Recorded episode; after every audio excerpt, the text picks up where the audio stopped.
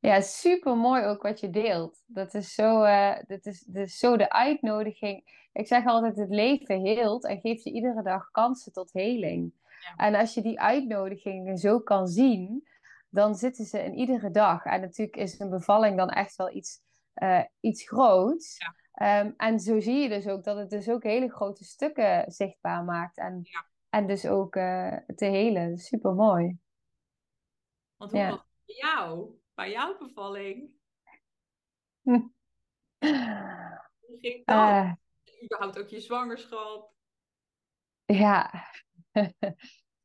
nou, ik merkte dat ik ehm, eh, tijdens mijn hele zwangerschap echt eh, heel aligned was. Dus ik was echt compleet in tune, in verbinding met mezelf.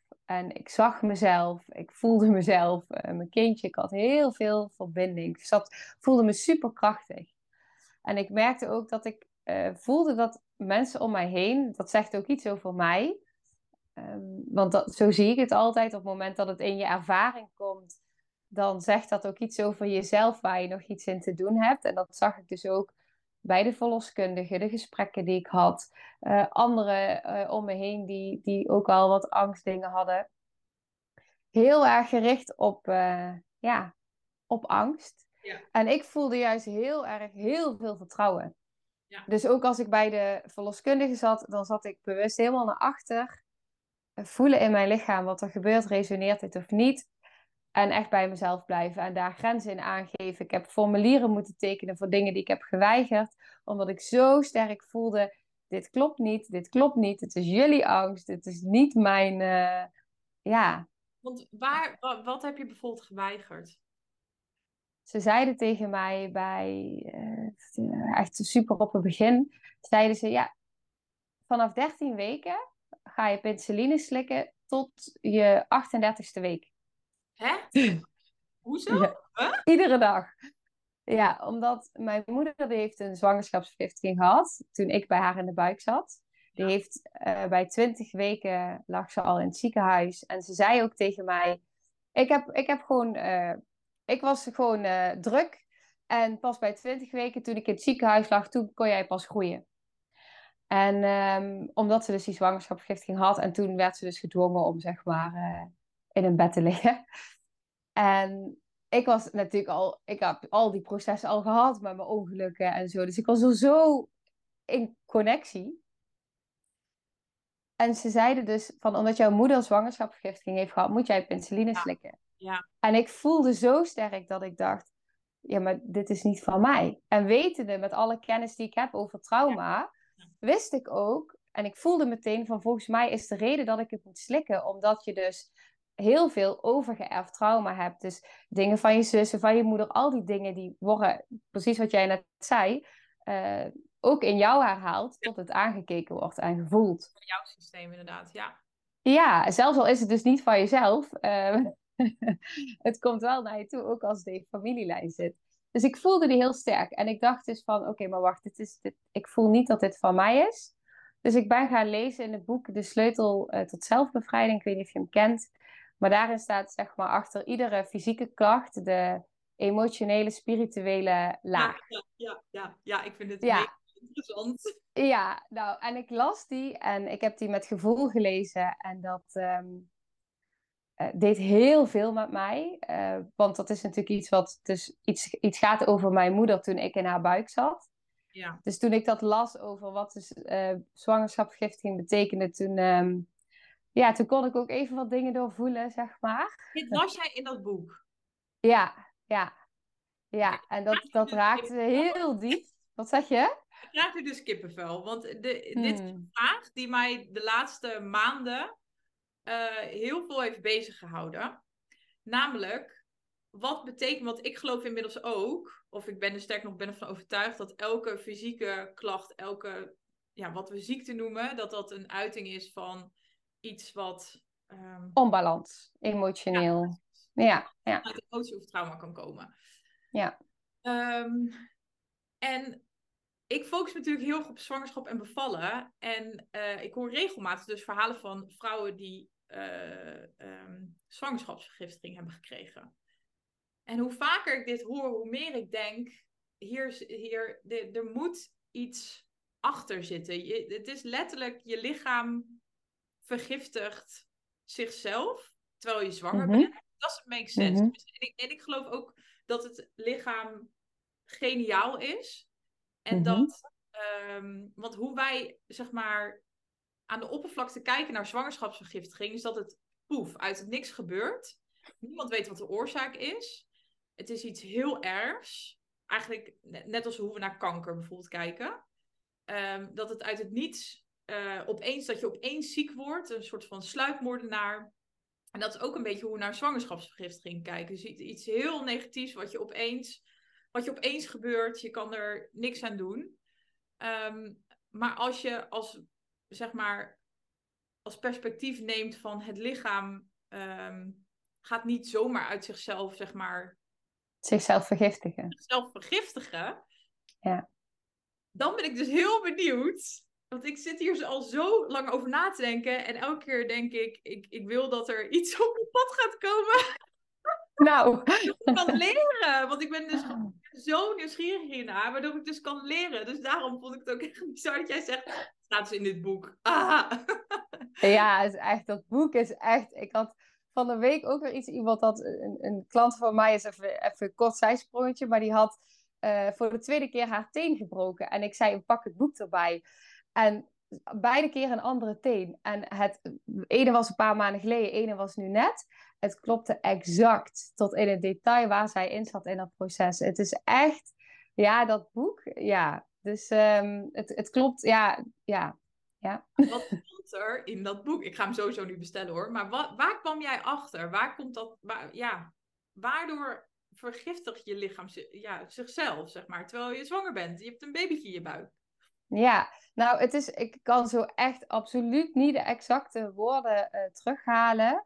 Maar eigenlijk heb je het al gezegd. Eh, je vergiftigt jezelf. En ehm, negativiteit noemde jij ook al.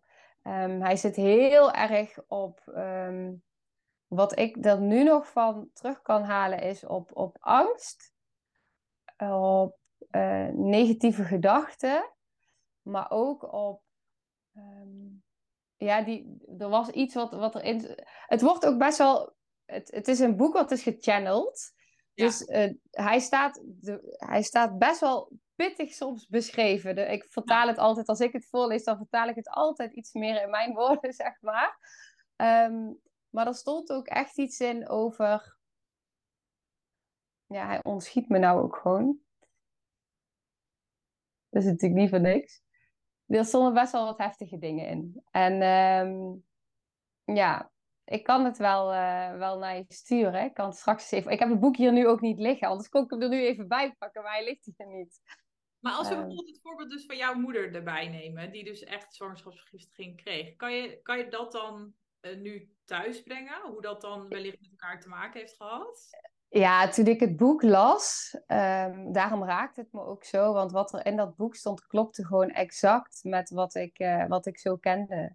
En niet alleen eh, wat ik dus nu ook door alle sessies en therapie weet, wat ik in, de baarmoeder heb gevoeld, maar ook eh, als kind. En, en nou ja, er zit gewoon veel pijn en trauma. Ja, veel pijn, veel trauma. En ook bij haar, zeg maar. En ja, dat voel je als kind natuurlijk feilloos. En ehm, ja, ja, dat heel veel. eh, ik loop daar helemaal in vast. Nee, niet uit, maar ik vind het gewoon, ik vind het al, nou ik vind het wel super bijzonder dat we hierop uitkomen. Dat dit dus iets is wat echt al maanden in mijn hoofd zit. Dat ik de hele tijd, ik ben echt, ehm, ik ben heel nieuwsgierig. Dat ben ik al vanaf kind af aan, kind af aan geweest. En als ik iets, als iets in mijn ogen niet logisch is, dan kan ik dat niet accepteren. Hmm. Nou, dit is echt heel logisch. Ja, want ik voelde ook, eh, en dat is heel grappig, want dat kwam later een keer terug en daar ga ik nog dieper werk op doen. Maar op een gegeven moment werd ook eh, tijdens een sessie tegen mij gezegd, en, en ik geloof in meerdere levens. En eh, tegen mij werd, want ik- je komt zeg maar ter wereld ook hoe je in een ander leven bent overleden. En ik ben dus eh, ter wereld gekomen met de navelstreng meerdere keren om mijn nek. Dus ik ben echt gestikt. Ja. Ehm, ik was ook helemaal paars al toen ik eruit kwam. Dus ik was echt al... eh, was, was niet goed. En ik lach nou, maar is eigenlijk helemaal niet... Uh, ja, het is ook een beschermdeel van mij die dan zo naar voren schiet. Ja. Um, maar het schijnt dus ook, wat dus mij ook is teruggegeven, en die heb ik dus nog niet zelf gevoeld of ontmoet, dat stuk. Maar tegen mij werd ook gezegd dat ik ooit in een ander leven vergiftigd ben. En dat dus dat ook te maken heeft met de reden waarom ik dus ook weer in de baarmoeder zelf. Uh, ja, dus ook dit is weer zo gelaagd, zeg maar. Ja. ja, en dat is natuurlijk ook, ik geloof heel erg, je komt natuurlijk niet voor niks bij in een bepaald gezin, in een bepaald systeem. Omdat je ziel uh, bepaalde trauma's. Ik geloof in karma en ik geloof dat je ziel in dit leven eigenlijk de trauma's opent die uit vorige levens nog geheeld willen worden. Ja, en als ik dan alleen al kijk in mijn baarmoedertijd en de geboorte, dan denk ik, oh, ja. dat was het begin en dat was al zoveel. Ja. Ik heb hier wat meer over geleerd toen ik het boek van, oh, ik heb hem hier liggen, van Maarten Oversier ging lezen. Bestaansrecht. Ja. Er ook heel veel puzzelstukjes voor mij op zijn plek, want hij ehm, hij omschrijft heel erg wat um, vooral de invloed is geweest van de kerk en de Tweede Wereldoorlog op de zielen die weer geïncarneerd zijn, zeg maar, in onze, nou ja, onze generatie en natuurlijk daarna ook. Maar laten we zeggen, de mensen die leven in deze tijd. En het is ja, zo interessant. Er zijn zulke ja, eigenlijk bizarre verhalen in. Waar ik vind dat, nou ja, ik ga daar heel lekker op. Ik vind dat heel. ik, ook, ik ook. Soms dan heb ik, ik lees sowieso heel veel. Vraag mijn vriend maar, die wordt er helemaal gek van. Maar hij moet ontzettend lachen, want soms heb ik een boek en dat vind ik dan zo interessant. En dit, een van die boeken was die van hem. En dan, dan wil ik hem ook echt, nou, dan ga ik letterlijk elke vrije minuut die ik heb, ga ik lezen. En dan wil ik hem echt super snel uitlezen. En dat had ik dus met zijn boek ook. Ik vond het echt, ja, echt een waanzinnig boek. Echt fantastisch. Ja. Ja, dan vind je denk ik het boek, van uh, Leonie Linsen. Dat is de Karma-drager. Die is ook echt uh, heel, uh, heel interessant. Ik zit dus tijdens deze podcast zit ik dus te maken. Grappig. Maar jij zei over dat je dus hoe je geboren wordt, dat dat dus is zoals jij bent overleden in een vorig leven, die had ik nog niet eerder gehoord. Maar die vind ik dus ook heel interessant. Want dan zit ik dus direct na te denken. Waar ik namelijk ben achtergekomen, is dat hoe ik geboren ben. Mijn moeder is thuis van mij bevallen, maar de manier waarop dat is gegaan, heeft echt super veel overeenkomsten met hoe Daniel is geboren. Hmm. Heel Zo, nou krijg ik kippenvel. Ja. Dus het is heel. Zo, en daar kwam ik dus achter dat ik die, die gesprekken met haar ging doen. Dus Daniel is uiteindelijk ik lag dus op mijn rug in een ziekenhuisbed. Mijn bevalling duurde 48 uur. Dus op een gegeven moment, dit weet ik inmiddels uit heel veel van dit soort verhalen, maar zijn hartslag dipte. Ehm, niet, omdat, eh, niet omdat er echt iets met hem aan de hand was, maar dat zie je gewoon vaker, vooral bij bevallingen. Ik, ik was helemaal de weg kwijt. Ik had een rugprik in me zitten, allerlei weeënopwekkers en zo. En nou ja, op een gegeven moment gaat een baby daar gewoon niet meer zo lekker op. En ik was zelf ook heel erg uitgeput. Ik was heel erg aan het overgeven. En dus dan komt op een gegeven moment komt de gynaecoloog binnen, want die zegt ja, de hartslag is niet goed, uh, hij moet er nu uit. En toen hebben ze hem um, met een vacuümpomp, vacuüm mm. hebben ze hem eruit getrokken. En toen ben ik uitgescheurd, een tweede graads ruptuur. En mijn moeder heeft dus exact dezelfde, ook, ook een tweede graads ruptuur, uh, van mij opgelopen. En zij heeft ook um, zij is dus wel thuis bevallen, geen vacuümpomp aan het pas gekomen, maar wel dus een verloskundige die op het laatst, om het, uh, op het allerlaatst om het sneller te laten gaan, dus ook wat langere persfase, heeft ze volgens mij, wat was dat nou, de vliezen doorgebroken. Dus ondanks dat het niet exact hetzelfde is, zijn we wel, denk ik, allebei, eh, ja, het gevoel is een beetje dat je er, ja, letterlijk dat je er uitgetrokken wordt eigenlijk. Dus dat je we zijn allebei een soort van gelanceerd, als het ware. Daniel dan met die vacuümpomp eruit getrokken, maar ik ook door, eigenlijk door een interventie, zeg maar, die dan door de verloskundige bij mijn moeder is gedaan. En ook een hele lange bevalling heeft ze gehad. Mm, zelfde termijn bevallen ook. Heel veel. Mm Ja. Ja, ik voel ook uh, als, als jij uh, deelt, dan, uh, dan reageert mijn hele lichaam. Ik voel echt van alles stromen en gebeuren. Ja, dus dat... Ja, bevestigd. Het is zo boeiend om daar ook voor jezelf ehm, gewoon eens in te gaan duiken. Want ik heb laatst ook weer... Ja, ik weet niet waarom dat nu opeens... Maar mijn vader is er laatst opeens achter gekomen. Daar zou ik geen details over vertellen. Maar mijn vader is er laatst achter gekomen hoe hij geboren, hoe hij geboren is, precies. En hoe dat is gegaan en welke, ja, welke imprint hij daardoor heeft gekregen. En dat heeft dus ook weer. Mijn vader heeft dus ook een ongeluk gehad, niet aangeboren hersenletsel. En toen begonnen we. Uh, ik was daar dus met mijn stiefmoeder en mijn vader over aan het praten aan de telefoon. En toen binnen echt een paar seconden zagen we opeens de connectie daartussen. Tussen hoe hij is geboren en de tijd daarna. En ehm, ja, wat, wat hij dus heeft meegemaakt de afgelopen jaren. En met het hersenletsel en zo. Het is echt bizar en heel bijzonder. Ja, dat is het. Precies. Bizar en heel bijzonder. Ja. Ja. Ja. ja. Oké, maar jouw bevalling, die moet ja. heel benieuwd naar. Oh ja, ja nou, die formulieren ondertekend, daar waren we. Ja, ik voelde dus heel sterk dat ik dacht, ja, dit is dus niet voor mij. Ik heb dat dus echt, ik heb uiteindelijk ook gesprek aangevraagd, want dat zei dus, ga dan wel in gesprek met de uh, gynaecoloog van het ziekenhuis. En toen heb ik ook heel, echt heel bewust gevraagd van, waar baseren jullie nu op dat ik zoveel kans heb? Heeft het dus te maken met dus die, uh, ja, die familielijn eigenlijk? Nou, en uiteindelijk kwam het daar dus op neer. Ze zeiden het niet direct, maar ja, het was zo, zo duidelijk. Ja. Um, dat daar is aan. En toen wist ik van, ja, maar dat, daar ben ik niet. Toen wist ik gewoon, dit is niet van mij, want ik, het is voor mij zo doorbroken en zo geheeld. Dus die voelde ik zo sterk. Dus toen moest ik formulieren tekenen, inderdaad, dat ik dus die, uh, dat weigerde. En dat was de eerste keer dat ik iets moest tekenen wat ik weigerde. En wat ik dus ook zo mooi vind, is dus, want een uh, zwangerschapsvergiftiging gaat heel erg over een hoge bloeddruk. En ik heb echt de hele zwangerschap tot op het einde toe heb ik zo'n lage bloeddruk gehad. Dat soms ook echt dat ze zelfs thuis zijn geweest van hij is eigenlijk te laag, zeg maar. Ja. Dus ik heb daarin ook heel erg, uh, ik voelde me daar heel gesterkt in, ook tijdens de zwangerschap. Dat ik dacht, ja, zie je wel, ik weet het wel. Mijn intuïtie, die uh, weet alles. Ja, nou, dat was dus één. En um, vervolgens wilden ze bloed uh, bij mij toedienen. Dat heb ik dus ook geweigerd. Um, dat heb ik ook getekend, ook omdat ik dacht van ja, maar ik wil niet, ik wil geen, uh, geen bloed van iemand anders, want dat zit, zit iemand anders zijn DNA in, wat in mijn lijf komt. En dat, dat wil ik niet. Of het moet echt noodzakelijk zijn. Ja, ja. En die zag ik ook niet. Um, wat zeg je? Waarom wilden ze dat precies doen, de toediening van dat bloed? Ik heb, um, voordat ik zwanger was van Noah, was ik zwanger van Sterren.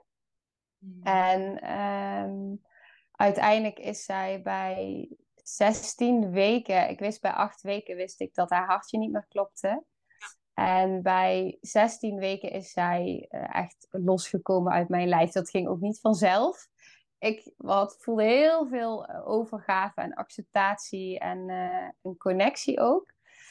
En, maar mijn lijf liet het niet los. Dus uiteindelijk is dat ook met uh, met tabletten gegaan vanuit het ziekenhuis. En een heel proces. Het was ook echt heel uh, zwaar, vond ik dat die toen ze uiteindelijk dus wel, uh, ja, toen, ik, toen ze wel loskwam. Echt ook weeën en pff, ja. Mag ik daar? En, daar ben ik ook wel nieuwsgierig naar. Zeker. Um, um, nog nooit een misgaan meegemaakt. Maar ik hoor, ik heb inmiddels regelmatig verhalen gehoord waarin vrouwen zeggen van ja, het was gewoon best wel een pittig proces. Het kwam niet goed los en toen moest ik naar het ziekenhuis en tabletten en curatage en zo. En um, soms bedenk ik me wel eens van oké, stel dat dit, uh, stel dat dit mij zou overkomen, wat, ja, wat zou ik dan eigenlijk doen? En ook wel dat ik merk dat er een soort van nieuwsgierigheid is in de zin van wat nou als je het inderdaad helemaal loslaat? Wat zijn daar dan wat zijn daar dan risico's van? Dus stel dat je helemaal dat je besluit, ik ben gewoon nieuwsgierig. Stel dat je besluit, ik, ik laat mijn lichaam gewoon doen wat, wat het moet doen, bij wijze van spreken. Ehm, en ik ga dus geen, um, geen tabletten, geen curatage of iets dergelijks. En niet dat daar iets mis mee is, hè? dat is iedereen zijn eigen keuze. Maar die verhalen hoor ik bijna nooit namelijk. Dus ik ben er gewoon heel benieuwd naar. Hoe is jouw Ja. hierin geweest? Nou, ik wou dus dat, dat, eh, dat het vanzelf, zeg maar, ging. Dus dat de natuur aan mijn lichaam bepaalde. Dus dat zei ik ook meteen bij acht weken. En uiteindelijk was het dus acht weken verder. En toen zeiden ze ook tegen mij van... Ik heb nog niet eerder... Ik, dat is echt heel grappig. Tijdens al die processen is zo vaak tegen mij gezegd... Ik heb nog niet eerder dit meegemaakt. Ik heb dit nog niet eerder meegemaakt. Met lotusbevalling, met die formulieren. Dus ook met dit Ja. stuk. Ehm, ja, hebben we niet eerder meegemaakt dat iemand zoveel geduld heeft en zo lang wacht. Want ik was dus acht weken verder. En op een gegeven moment zeiden ze tegen mij: ehm, ja, Je bent nu zo lang verder. En ehm, op het moment dat je te lang gaat wachten, kan het betekenen dat er volgens mij, ik durf het niet met zekerheid, want ik weet niet meer de precieze woorden. Maar het eerste wat in me opkomt is dat ze iets zeiden van het zou kunnen dat het gaat verkleven. Ja, ik weet het niet meer helemaal zeker. Maar in ieder geval, als ik nog veel langer zou wachten, zou het kunnen dat het echt wel een operatie zou moeten worden, zeg maar. Geen idee of dat, of dat kan of hoe dat werkt. Ik weet ook niet hoe dat in mijn baarmoeder werkt. Maar ehm, ja, ze zeiden wel echt van... En daar zitten natuurlijk ook weer allemaal risico's aan, ook eventueel voor het vervolg. Dus toen had ik op een gegeven moment, na acht weken, dacht ik... Ja, maar ik, wil, ik wilde echt geen curettage. Die voelde ik heel sterk. Ja. Ik wilde het niet. Dus daar zat ook angst bij mij. En toen ben ik die tabletten gaan doen en toen liet het nog niet los. En toen eh, een paar dagen later weer die tabletten en ehm, weer niet. En toen was ik weer een week verder en toen liep ik in het bos. En toen kwam ik op een punt en toen dacht ik, oké, ik heb ook echt zo met mijn armen in de lucht gestaan. En ik heb echt gezegd, oké, geef me over, dan maar curettage, ik weet het niet meer. En de volgende dag toen, eh, ja, en toen kwam het los, kwam ze los. Ja, ja, dus, dat, eh, dus zo is dat gegaan. Maar, dan, Ja. maar alsnog heb jij dus echt inderdaad heel lang gewacht. Want dit Ja. is eigenlijk wat, ja, wat gewoon 99% van de vrouwen doet. En nogmaals, daar, daar ligt totaal geen oordeel op. Maar Ja. Het voelde ook niet als wachten. Dat was wel, ja, misschien met momenten. Maar ik voelde gewoon, ja, dit is een proces. Dus ik zat ook, ik zat ook in vertrouwen in het proces. Ook wel in angst met momenten in het proces. Omdat ik bang was voor de curettage. Maar het was ook een soort van... ehm, ehm, de, de eerste dagen nadat ik hoorde dat, dat het hartje dus niet klopte ben ik ook weer helemaal naar binnen gekeerd. Ik dacht van, oké, ik wil dit helemaal doorvoelen. Ik wil helemaal zijn met al die emoties. En ja, dus het was ook een proces van rouw, zeg maar, waar ik doorheen mocht gaan. even. Ja, en dat was ook heel mooi, want op het moment dat ze dus wel loskwam, hebben we ook echt, ehm, echt tijd genomen om, om ook daar een heel afsluitend ritueel in te doen en samen. En uiteindelijk heb ik daar ook nog ehm, ceremonies in gedaan, heel bewust, om, eh, om dat te verwerken voordat ik naar mijn volgende zwangerschap eh, Ja, zou bewegen, überhaupt. Ja. wat mooi. Ook mooi dat we deze ook nog hebben. hebben. Het is heel grappig, want jij raakt heel veel thema's aan waar ik dus heel veel over nadenk en dan weer vragen over heb. Dus Grappig. En ook omdat zo leuk ook om dit gesprek via mijn podcast te delen. Want heel veel vragen die ik heb, is het, is het vrij lastig om het antwoord op te vinden. Omdat eh, de norm overschreeuwt eigenlijk altijd. Dus dat zijn grotendeels de verhalen die je hoort. En, ehm, en ik vind het ook fijn om, om ook een, een keer iets anders te horen. Niet als in dat dat dan het beste is of de waarheid is. Maar ik hou er gewoon heel erg van om zeg maar verschillende. Ja, precies. Verschillende perspectieven. Gewoon. Ja, ja. Mooi. ja. En toen werd je dus zwanger van Noah. Ja, ja, ja, precies. Oh ja, Ja, toen- daar waren we. Ja, de bevalling. Ja, is, ehm, is heel interessant ook. Want ik ging er echt. Ik, ik dacht dat ik er met 100% vertrouwen in ging. En ik denk dat ik meer vertrouwen voelde dan dat ik ooit eerder had kunnen voelen. Dus die voelde ik heel sterk. En ehm, als ik hem op diepere lagen bekijk, heeft daar echt ook wel angst gezeten. En vooral nu als ik terugkijk. En ik was heel erg bezig met hypnobirthing, een doula, met ehm, ook allemaal buiten mezelf, bedenk ik nu, zeg maar. En een doula is ook weer iets buiten mezelf. Maar ehm, ik voelde zo dat ik het nodig had om een, een soort van tribe om me heen te hebben van vrouwen die mij steunen en supporten. En ik wilde het liefst een, um, een, een, een verloskundige die, ja, die het liefst zelf ook hands-off deed. En die helemaal meeging in mijn visie. En ik merkte dat die hier in de buurt niet echt waren. Hmm. Dus uiteindelijk heb ik gekozen voor een verloskundige, omdat er gewoon te weinig opties waren die aansloten. Voor mijn gevoel, of misschien was het nog niet in mijn ervaring.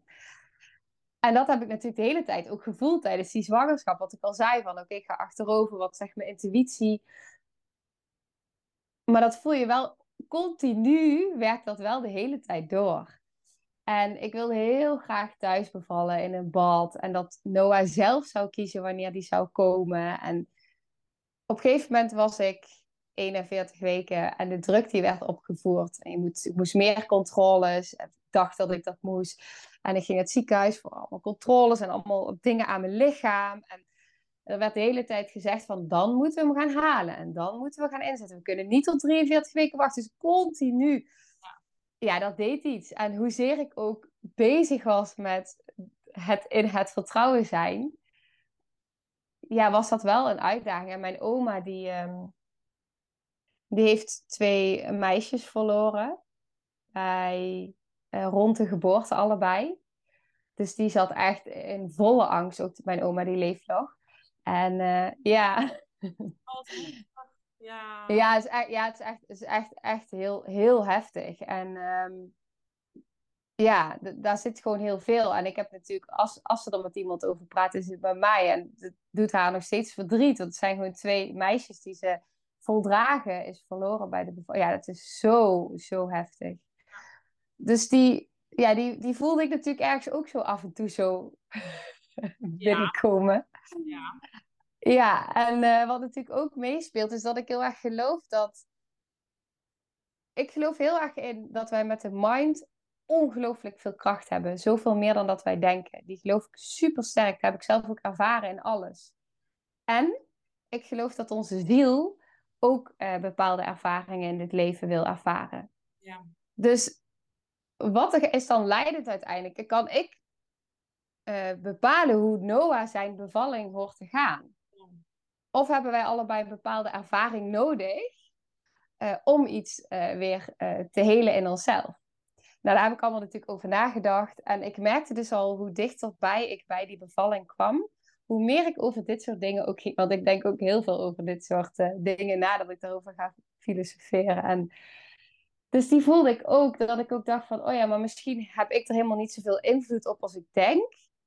En ergens ook weer wel. Ja. Dus enerzijds is er heel veel invloed en anderzijds is het ook echt het vertrouwen en de overgave dat het juiste wel zal ontstaan. Weet je wat, zo last, wat ik zo lastig, vooral in deze specifieke situatie in, dus als je dus over tijd loopt en uh, richting de week gaat. Ja. Op begrip. Um, mm dat vroeger, toen, uh, laten we zeggen, de geneeskunde nog niet bestond, weet je wel. Laten we, oké, we gaan helemaal terug naar de tijd van de jagers en verzamelaars. Dus toen er geen, geen artsen en zo waren. Um, als je kindje dan overleed, zeg maar, met, nou ja, dan kon je ook niet, denk niet echt goed bijhouden hoeveel weken je zat. Maar laten we zeggen, je was hoogzwanger en je kindje overleed. Dan was je daar natuurlijk helemaal uh, kapot van. Het was heel verdrietig, maar het was ook iets wat gewoon gebeurd was. Terwijl tegenwoordig hebben we een soort van, moeten we dus keuzes gaan maken. En dat lijkt me vooral zo lastig, dat Ehm, soms lijkt het heel erg alsof de juiste keuze is door altijd alle risico's te minimaliseren. Dus altijd mee te gaan in wat uh, artsen je adviseren of verloskundigen uh, je, je adviseert. En dat wordt natuurlijk ook heel erg, denk ik, ook beïnvloed door je omgeving. Überhaupt dat ik bijvoorbeeld thuis wilde bevallen, dat vonden mensen al een onnodig risico. Um, dus daar wordt best wel zwart-wit naar gekeken. Maar hetzelfde denk ik met het inleiden van je bevalling als je richting 42 weken gaat. Mijn, grootste angst was eigenlijk, dat heb ik dus vaker teruggelezen uh, bij vrouwen die ik dan weer coach, dat ze zeggen: Ik ben zo bang om, um, om de, de schuld te krijgen. Dus als er iets gebeurt, omdat ik geen medische adviezen opvolg, dat ik dan de schuld krijg. Dat het dan mijn schuld is. Dat ik me dus heel schuldig ga voelen, zelf schuldig voelen, maar ook dat andere mensen jou dus de schuld gaan geven. Mm Ja. Ja, die is bij mij ook voorbij gekomen. Natuurlijk toen ik de medicatie al weigerde, bloed... Oh ja, dat bloed is natuurlijk... Ja, dat is even een ander verhaal, maar dat, die dus ook weigerde. En inderdaad precies dit. Van, ik wil heel graag thuis bevallen, het liefst op een berg. In mijn eentje, met, met allemaal kaarsen. En, en mijn man die mijn kindje... Ja, ja. Gewoon, ja. Ja, maar je voelt dan inderdaad, je voelt hoe het systeem eigenlijk en hoe iedereen is geprogrammeerd. Hoe iedereen dan uh, bang gaat zijn van ja, maar dadelijk gaat het fout. Want zij zit zo in het vertrouwen. Maar wow, wat als? En er zijn natuurlijk heel veel kindjes ook gewoon... Uh, dat is vroeger ook gewoon heel vaak gebeurd. Er zijn heel veel kindjes. Dus die angst is natuurlijk ergens ook gewoon zo reëel in ons DNA. Ja. Omdat dat zo doorwerkt uh, in die generaties. Ja. Ja. Ja, en inderdaad precies wat jij zegt. Ja, als je dan die keuze maakt zo vanuit het vertrouwen en ja, het gaat dan mis. Ja, ja dan, dan, dan heb je dus niet geluisterd naar het medische, maar is het medische juist? Want als ik had geluisterd, of nou, ik, wil, ik zeg niet dat het niet juist is, maar als ik had geluisterd ehm, toen, dan had ik nog steeds in een donkere kamer gelegen Ehm, ja. En was ik, had ik nooit dit gekunnen, zeg maar. Nou ja, dus, ik snap, het is natuurlijk, het, en het is gewoon niet zo, maar dat, dat uh, hier stond ik ook heel anders in, zeg maar vijf jaar geleden. Ja. Maar het is niet zo dat uh, een arts altijd gelijk heeft. Um, of dat je als je maar alle adviezen blijft opvolgen, dat je dan 100% de risico's minimaliseert en dat er dan nooit meer een baby overlijdt. Nee, ik, denk, ja, ik denk zelfs dat niemand het beter weet dan jij zelf. Of, ja, precies. En ik denk ook dat als wij allemaal vertrouwen zouden hebben in ons lichaam en als wij weer vanuit dat vertrouwen ehm, ons lichaam zouden volgen in een kind kunnen baren, dat er zoveel meer, minder uh, traumatische bevallingen zouden zijn, omdat ons lichaam weet precies wat hij moet doen. Ja. Maar we worden zo, het is zo angst, echt van alle kanten. Ja, en sowieso, ik denk dat je, ja, bijna vanaf het moment dat je geboren wordt, wordt er eigenlijk uh, niet dat iemand dat verzint, maar laat ik even zo, wordt er eigenlijk alles aan gedaan. Alles wordt klaargezet om jou maar zo min mogelijk op jezelf te laten vertrouwen. En uh, vooral op andere mensen. Ja, ja. De kinderen van tegenwoordig gaan naar de opvang, gelijk vier dagen, vier, vijf dagen soms. Dan ga je naar school, waarin het gelukkig is er wel verandering in, in aan het komen, maar waar ook alleen maar wordt gefocust op wat de docent zegt, dat klopt. Nou, dan ga je naar de middelbare school, dan ga je studeren, dan ga je in loondienst werken. En elk systeem waar je terechtkomt, gaat het over dat jij vooral heel weinig weet. Ja, dat je weinig weet en dat je je moet aanpassen. Ja. ja. Ik heb dat bijvoorbeeld, ja. ik heb toevallig in een andere podcast interview over gehad, maar daar hadden we het over het consultatiebureau. Ook zoiets interessants. Wij zijn daar dus in het begin heen gegaan. En we hebben een jaar geleden hebben we besloten om er niet meer heen te gaan. Um, puur omdat uh, mijn vriend kreeg altijd ruzie als hij daar was. ik heb heel veel van mijn vriend geleerd. Mijn, vriend is nogal... Um, um, hij, hij zegt gewoon wat hij denkt, zeg maar. En uh, in, in het begin van onze relatie vond ik dat verschrikkelijk. Ik probeerde hem altijd te veranderen en ik schaamde me altijd een beetje als hij dan weer gewoon hup iets uitsprak, zeg maar. Maar inmiddels ben ik dat heel erg gaan waarderen. Want wat ik deed op het consultatiebureau is in het begin, ik paste me heel erg aan en ik wilde laten zien dat ik een hele goede moeder was natuurlijk. Weet je wel, dan moet die mensen wel laten zien dat, uh, dat ze zich over mij geen zorgen hoeven te maken. Hmm. Maar het interessante is dat juist, dat is inmiddels mijn mening, en ook weer geen oordeel, niks mis als je wel naar het consultatiebureau gaat. Maar voor mijzelf, en daar had ik het heel met mijn vriend over. ik zei, weet je wat gewoon het rare is? Vanaf dat, het, dat, vanaf het moment dat je kind wordt geboren, krijg je eigenlijk een soort van de boodschap mee. Ehm, jij kan niet op jezelf vertrouwen, in de zin van op je eigen gevoel en hoe jij naar je kind kijkt. Nee, we moeten het meten. We moeten gaan kijken of uh, jouw kind wel groeit en dingen doet volgens de meetlat die wij hebben gesteld. Hetzelfde gebeurt tijdens je bevalling. Je kan niet op je eigen lichaam vertrouwen. Oh, er zit een vlieg hier. Uh, we moeten het meten. Dus je ontsluiting wordt bijgehouden volgens echt een hele strikte meetlat. Had ik ook. Bijna elke vrouw die gaat bevallen denkt dat het normaal is om 1 centimeter per uur ontsluiting te hebben. Dacht ik ook. Dat gebeurde niet. Dus wat dacht ik? Er is iets heel erg mis met mij.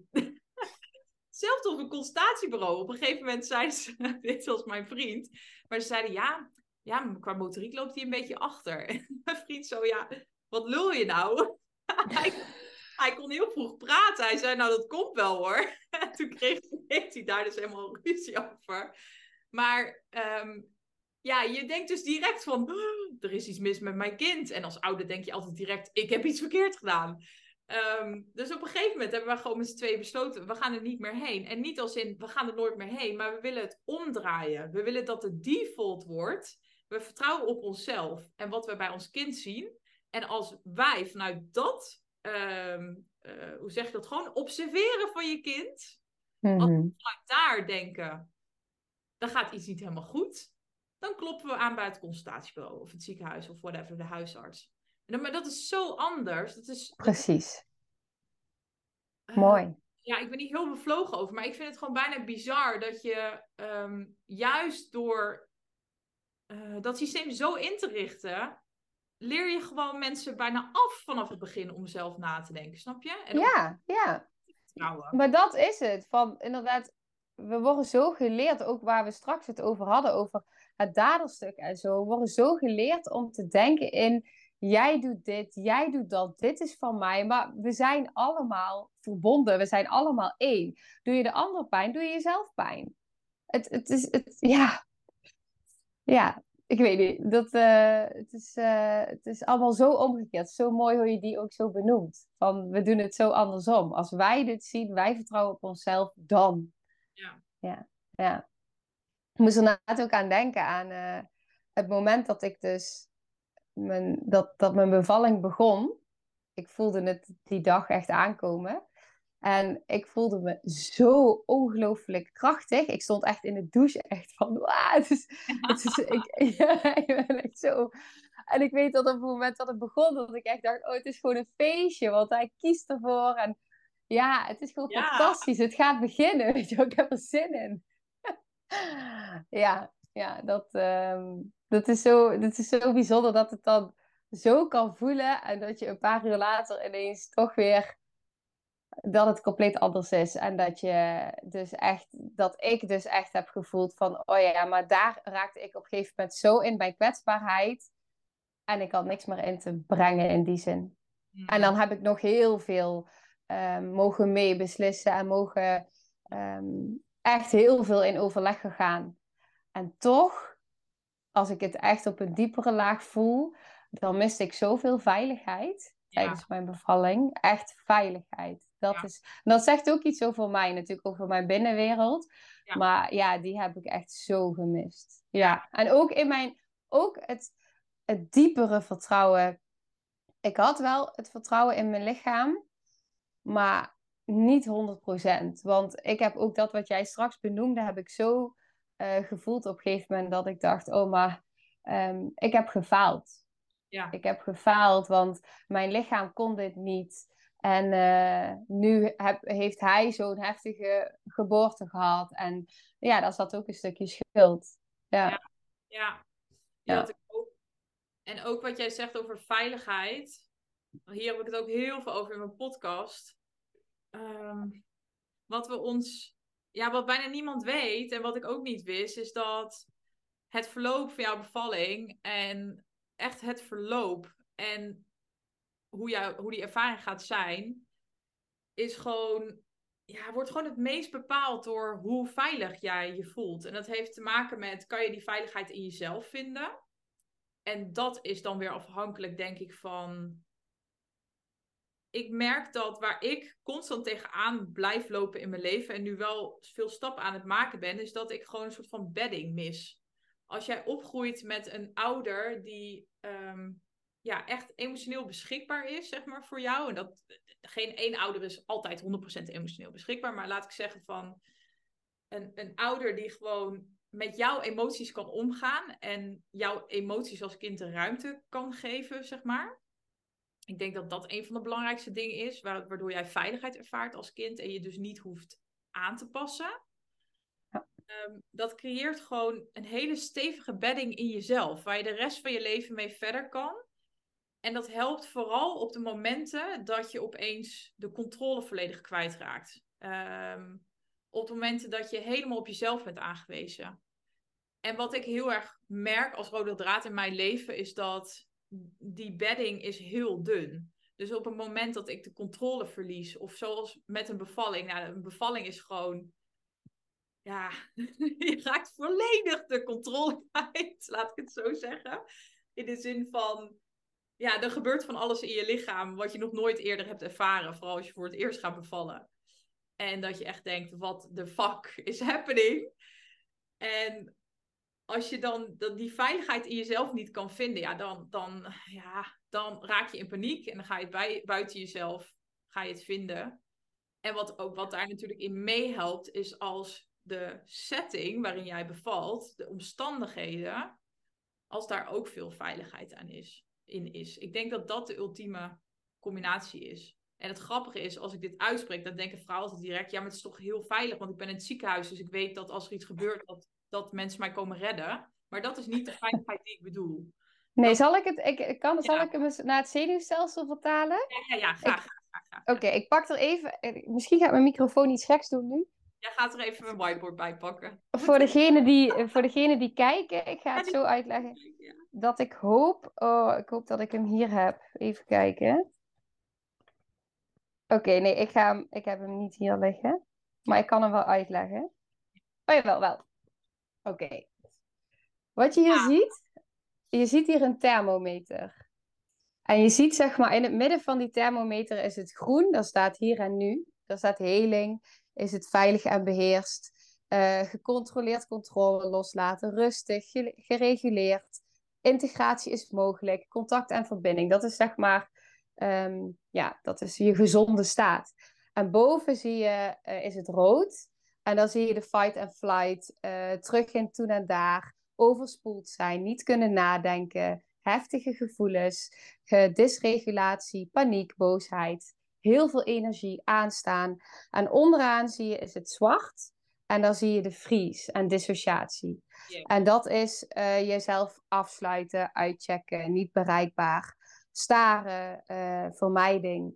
Nou, op het moment dat jij dus ontwikkelingstrauma meemaakt, en ontwikkelingstrauma is dus, kan een heftige geboorte zijn, maar het is vooral um, ontwikkelingstrauma. Nee, dat is niet waar wat ik zeg. Ontwikkelingstrauma is vooral alles wat jij hebt gemist als kind. Wat je niet dus, Ja, dus die, die veilige bedding die er niet was. Ehm, dat je emoties er niet werden gezien, er niet konden zijn, dat jij niet werd gezien, niet werd gehoord. Uh, liefde. Nou ja. Wat er dan gebeurt is dat die, dat groene in het midden, dat wordt heel smal. Ja. En bij shocktrauma bijvoorbeeld, um, dus, dus het is heel smal. Dus er is maar een heel smal uh, groen balkje. Dus je gaat veel sneller, uh, omdat je die bedding mist. En bij shocktrauma kan het zo zijn als je alleen shocktrauma hebt uh, dat er wel wat meer groen is, maar dat je dus snel eruit schiet, zeg maar. Maar dat is één ervaring. Maar dat ontwikkelingstrauma is precies wat jij zegt, is die bedding. En als ik, in, uh, als ik zeg maar, als mensen bij mij komen voor een traject, het eerste waar ik mee ga werken, en dat is ook het enige waar ik mee werk in het begin, bedding. Ja. Want zodra, zolang er geen bedding is, daarom eh, ben ik altijd heel voorzichtig met uh, tegenwoordig worden. Vroeger was ik dat niet, want ik ging zomaar overal naar een ayahuasca-ceremonie en breathwork. Doe ik allemaal niet meer zomaar. Omdat um, als die bedding er niet is, er is geen regulatie. Um, ja, wat, wat gebeurt er dan? Dan, dan?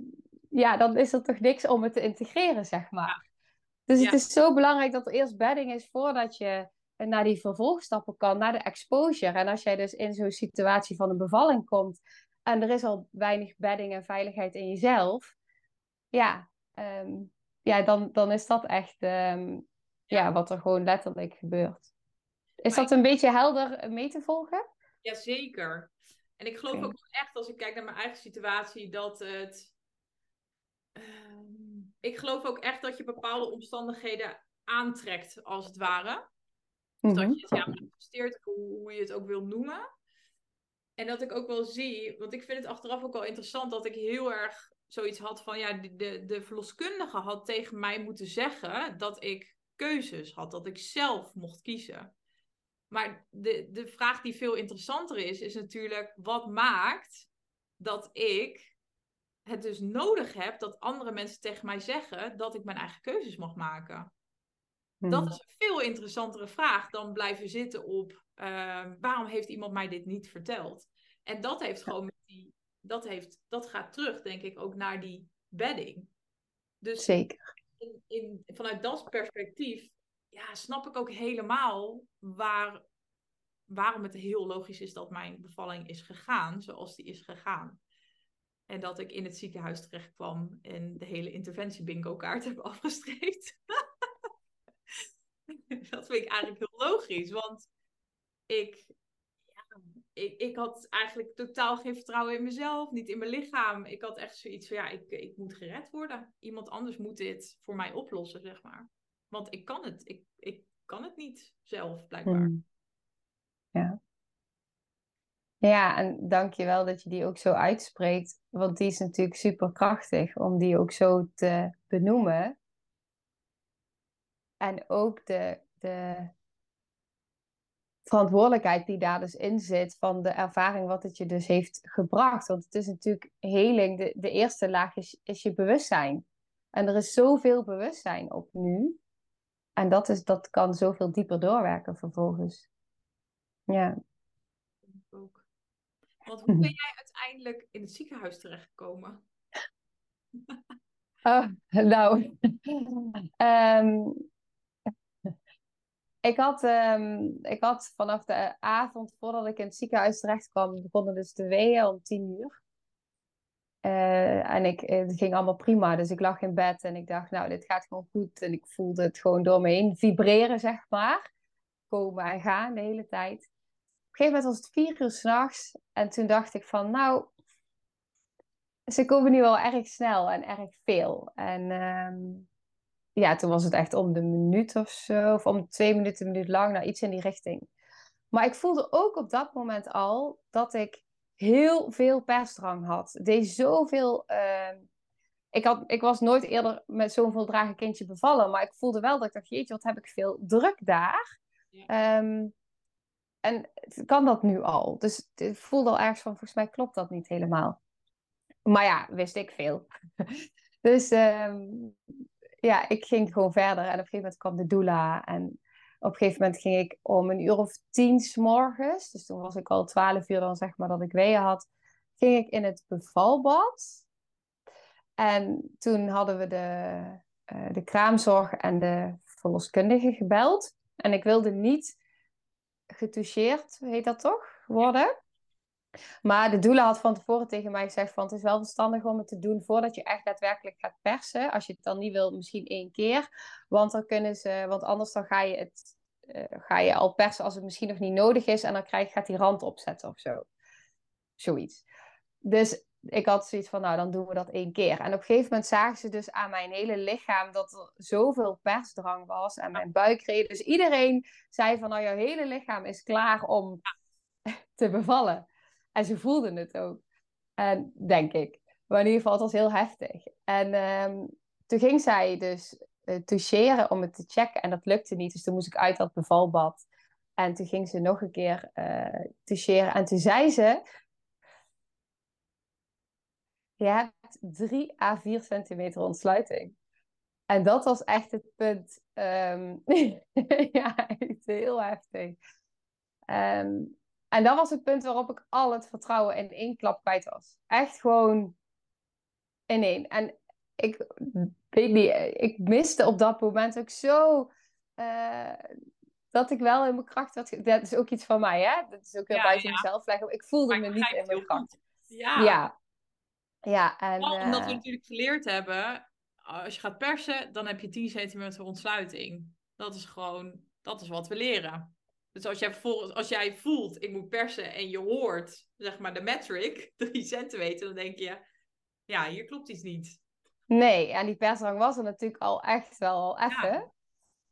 En die werd steeds heftiger ook. Dus um, ja, dat was echt heel intens. Ja. En um, nou, toen, toen moest ik uit de bevalbad blijven, zodat um, het, verder, het proces verder kon gaan.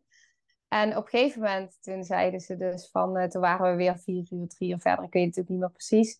En ik was nul, nul centimeter verder. En toen zeiden ze dus van, uh, uh, we hebben nog één optie dat je thuis kan bevallen. En dat is je vliezen breken.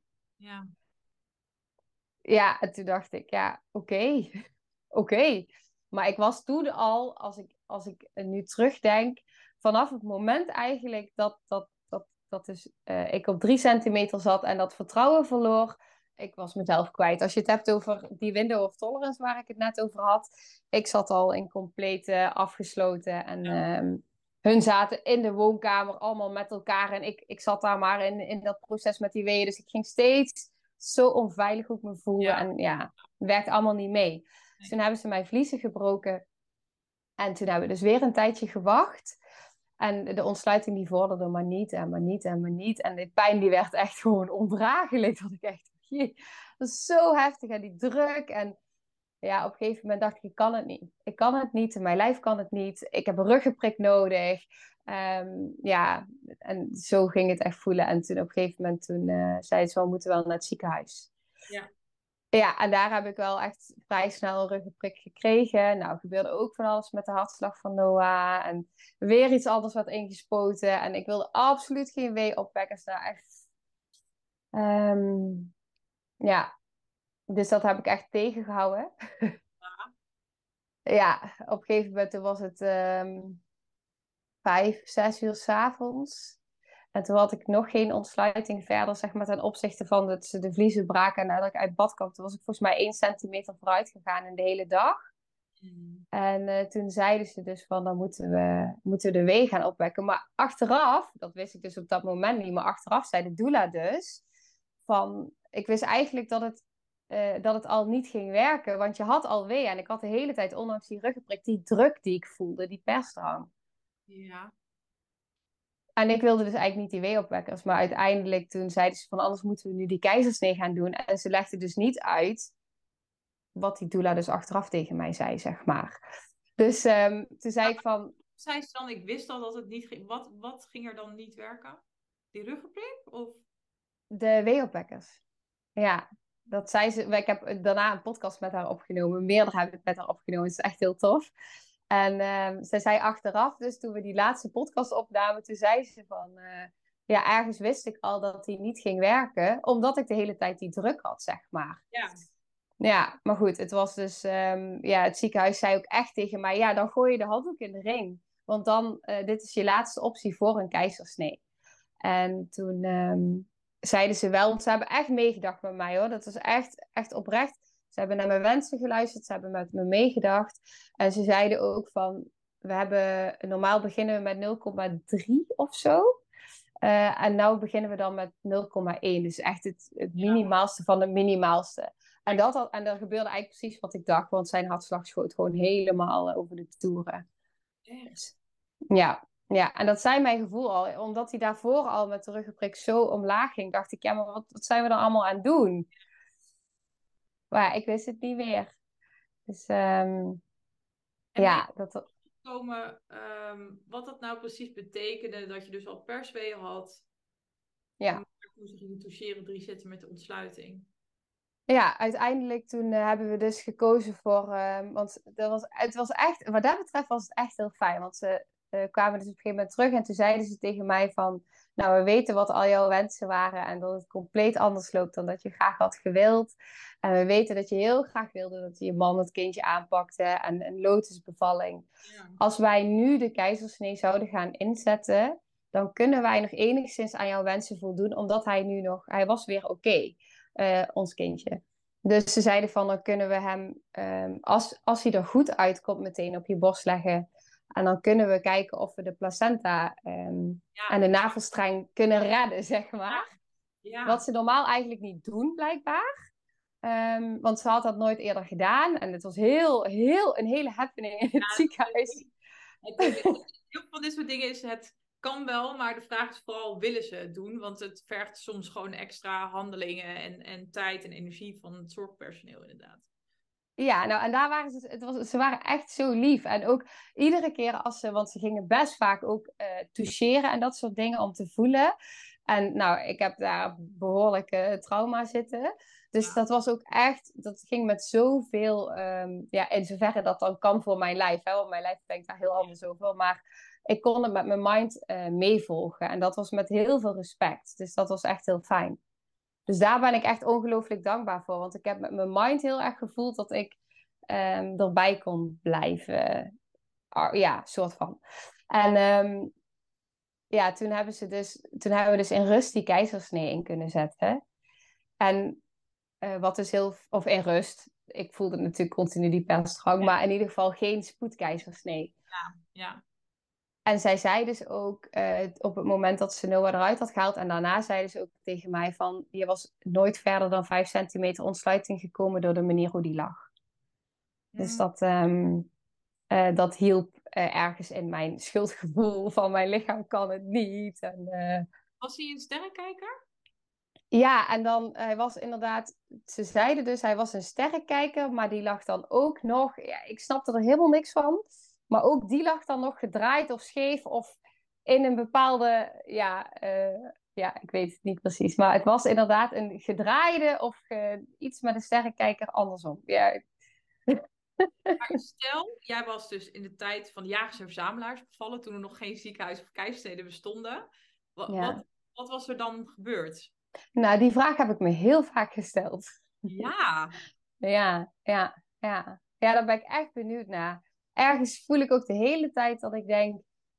Ehm, hadden we die vliezen, um, dat is dan natuurlijk hè, wat als, wat als, maar hadden die vliezen gebroken moeten worden? Was het niet te vroeg? Um, maar die druk was er natuurlijk continu. En dat gaf, dus, dus, dat zeg ik dan iedere keer tegen mezelf. Ja, maar die druk was ook niet voor niks de hele tijd zo sterk. Ja, ja maar. Dat weet je natuurlijk ook niet. Maar ik vind het wel interessant, omdat we heel vaak die vraag stellen we bijna niet, omdat we dan. Eh, je denkt heel vaak van ja, als de keizersnede niet was geweest, dan uh, was het misschien helemaal verkeerd gegaan. Um, ja, dat vraag ik me dus af. Dat vraag ik me dan ook af. Dan denk ik direct, ja, maar zouden dan alle kindjes die in de sterrenkijkerpositie lagen vroeger, zou dat dan mis zijn gegaan? Dat, ja, kan ik me ook weer niet voorstellen of zo. Dat vind ik nee, want ja. ja, precies. Soms denk ik ook van, zou die dan niet juist op dat moment nog even net anders hebben gelegen en weer een keer hebben gedraaid. Zo. Zoiets. Meer van als je weer uitgaat van waar we het in het begin ook een beetje over hadden, dat je lichaam heel intelligent is en geniaal en dat dingen niet voor niks gebeuren. Eh, dan is het eigenlijk. Uh, dat vind ik weer interessant in de medische benadering. Eigenlijk de medische benadering zegt, ja, je lichaam heeft gewoon een foutje gemaakt, want je baby ligt in een sterrenkijkerpositie en wij moeten je daarvan redden als je het weer anders bekijkt, dan zou je weer zeggen inderdaad van, ja, wat, wat zou er dan gebeuren? Dat weet je natuurlijk niet, maar ja, wat zou er dan gebeuren als je het inderdaad helemaal gewoon met rust laat en dus geen interventies doet? Zou een kindje dan alsnog, of ga je dan intuïtief een andere houding zoeken? Dat vind ik soms ja, heel leuk om daar eens over na te denken. Ja, nou, ik, ik, denk, uh, ik denk daar ook heel veel over na, natuurlijk ook naar die bevalling. En ik weet dat eh, toen de doula morgens binnenkwam, toen zei ze ook tegen mij van, oh, het is beter als je gaat staan, want dan, um, ja, dan kunnen die weeën beter... Uh... Maar ik lag op de bank op dat moment. En eigenlijk, achteraf gezien, lag ik daar best wel fijn, want ik was ze gewoon aan het opvangen.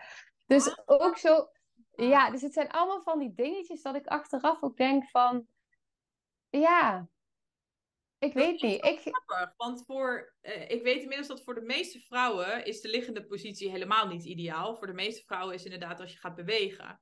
Maar het is grappig dat jij dus intuïtief op die bank ging liggen. Ja, ik voelde echt dat ik de behoefte had om te liggen. En toen dacht ik, ja, oké, dat is dus niet goed. Dus ik ga staan. Ehm, ja, Oh, dus, dus, ja, ja dus, dus het zijn echt allemaal van die dingen dat ik denk, ja, ja. ik geloof ergens, eh, ik, ik geloof eigenlijk heel diep van binnen, dat als ik ook daar helemaal in het vertrouwen en mijn lichaam had durven blijven volgen, dan was het echt wel anders gelopen. En ik, heb, ik geloof dat ik die ervaring heb gemanifesteerd, omdat er dus toch nog, ehm, ja, ook nog daar, ehm, nou, niet helemaal het vertrouwen in mijn lijf zat. Ja. Ja. Dat is ook weer heel mooi, want waarschijnlijk heeft dit je ook weer een stuk, weer een stuk transformatie gebracht, kan ik me voorstellen. Dat je juist daardoor nog meer gewoon terug gaat naar jezelf en gaat vertrouwen in jezelf en gaat luisteren naar je lichaam. Ja. Ja, en het is natuurlijk ook met de kennis inderdaad van trauma. En die speelt natuurlijk ook mee van, oh ja, het, het, het, ja, ik zou er nu ook weer, nu ik weer zoveel verder ben, het, het werkt zoveel door, ook continu op al die lagen. Ja, Ja, ja mooi. ja. Ik denk dat we hem hiermee gaan afronden, of niet? Wat denk je? Ja, we zitten ook echt al, echt wel heel lang. Hoe lang zitten wij altijd eh, want praten? ik, als ik dus iemand ga interviewen, dan roep ik altijd van tevoren, ja, nee, ik wil ongeveer rond een uur eindigen. Maar dit is echt alweer de zoveelste keer dat ik echt op twee uur zit. Maar goed, ik hoop dat het twee hele waardevolle uren zijn voor de luisteraar. Hmm. Ja. Nou, heel erg bedankt. Ja, jij ook. Ja, echt super tof. Ja. Ja. Nou, dankjewel.